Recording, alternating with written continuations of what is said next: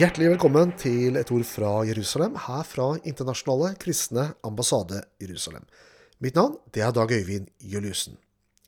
Her For noen dager tilbake så hadde vi en direktesending på vår Facebook-side, hvor vi også intervjuet vår leder i Jerusalem, Jørgen Bühler. Nå skal du få høre innslaget med han. Eh, du får ha oss unnskyldt at det er litt dårlig kvalitet på, på linja og eh, lydkvaliteten. Eh, jeg oppsummerer innimellom det han sier eh, til norsk. Og mitt første spørsmål til han, det er under denne situasjonen med koronarestriksjoner, hvordan er det dagliglivet berørt i Israel? The daily life here Israel is most likely very much the same what is taking place all around the world.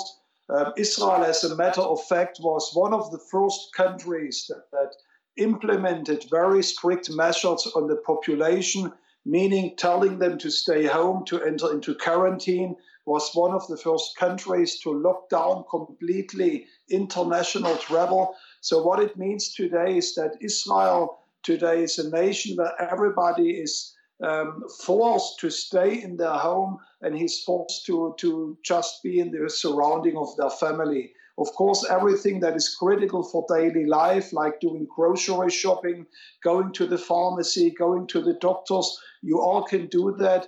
But besides that, the government requests us uh, to not move further than 30 meters away from our from our homes where we are living.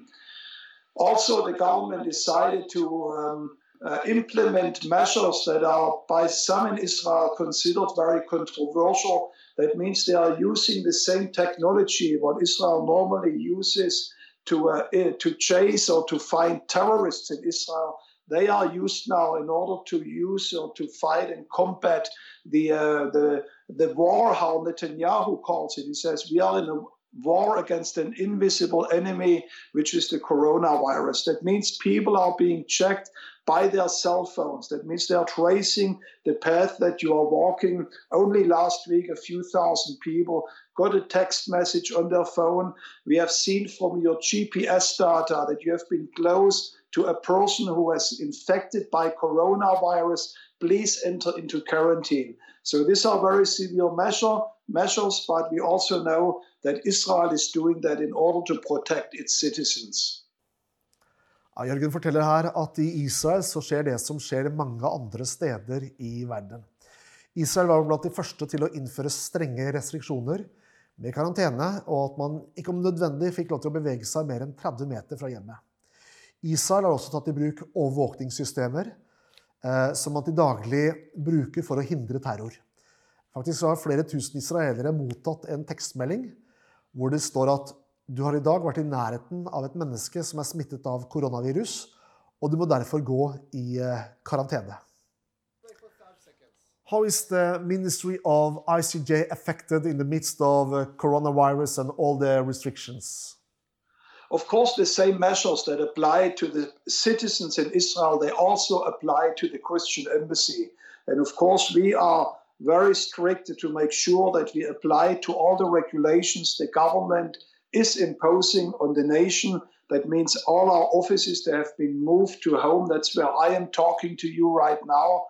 Um, at the same time, I am very happy and excited to tell you that the ministry of the ICEJ is continuing at full speed like before. Sometimes I even feel over the last few days that we are more active than ever before here in Jerusalem. And the reason for that is, is that our social aid team, the people who are working with elderly people, with Holocaust survivors, they have special permission from the government to be out on the streets in order to help the people of Israel. They are deemed as a critical part of this today's crisis to help the, the needs and the challenges that elderly people are facing in their homes. Also, we are on the airport welcoming new immigrants back to Israel. Uh, we just, as you have seen also in that video, I believe, we just welcomed two flights from Ethiopia and Russia back to Israel. At the same time, the Israeli media takes very close notice of what we are doing, maybe like never before. The Jerusalem Post last week brought a big article ICEJ helps in the midst of corona crisis Times of Israel is reporting about us. We had several evening primetime news where they took notice that there are Christians in the midst of the crisis. They are standing with us in a time when everybody had to leave the country. So I believe this is a season for us like never before to show to the Jewish people that they are not alone. And even in the midst of this crisis, there are Christian friends from around the world who stand with them. Jørgen Müller forteller her eh, at eh, de samme restriksjonene som myndighetene pålegger befolkningen, må også ambassaden følge, og det er man nøye med. Eh, derfor arbeider vi nå fra hjemmekontor, som vi ser her med, med Jørgen.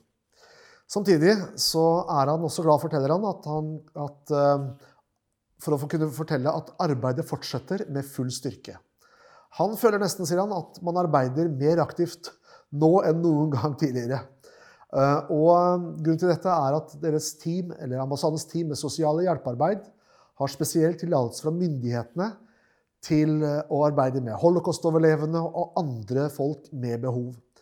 Eh, ambassaden har også tatt imot eh, grupper fra Russland og Etiopia, som vi så. Og det er tydelig at mediene eh, i Israel registrerer arbeidet som kristne gjør i landet nå. Han forteller at dette er en unik mulighet til å vise det jødiske folk at det er kristne fra hele verden som står sammen med dem i denne tiden. Do you have any idea about uh, the outcome of the recent uh, election and the, the, possibility for a new government? Well, this is a very challenging question because the results of the elections, this uh, third election that took place now, wasn't different to anything before. And uh, what we have to say, however, that this corona crisis is bonding the whole nation together. And we do see today from the two big parties, that's Likud and also Blue White, we do see there is a movement towards each, each other that they're giving up some of their strict preconditions to start negotiation, where we can hope that even this crisis in Israel, how bad it might be, that this crisis might bring forth a government here in Israel. That's something what we are praying for, and it is something what this nation desperately needs because we have been now one year without a stable government. Jeg spurte her Jørgen om hvilke muligheter som nå ligger for eh, en styringsdyktig regjering etter det siste valget i Israel. Og han svarer at dette er et krevende spørsmål. Eh, men det man nå ser, er at denne koronakrisen bringer hele nasjonen sammen. Eh, og nå ser det ut som det kan komme til å skje at de to store partiene med, Melikud og den blå-hvite alliansen finner sammen. Uansett så ber vi om, sier han, at landet skal få en styringsdyktig, etablert regjering som eh, landet nå absolutt behøver. Is it anything you will share with our friends here in uh, Norway? Yes, absolutely. I, I do believe that the time and season in which we are living in is indeed a very strong sign of the season in which we are finding ourselves in God's purpose. Uh, the Bible says in Hebrew chapter 12 that there will come a time of the shaking of all things in the heavens and on earth. And I believe with the bottom of my heart that we are in such a time of shaking where the whole world is being shaken like never before. I just read in a news article just a few days ago that at this moment, right now, a fifth of the world population, more than 1 billion people, are finding themselves, themselves right now in quarantine.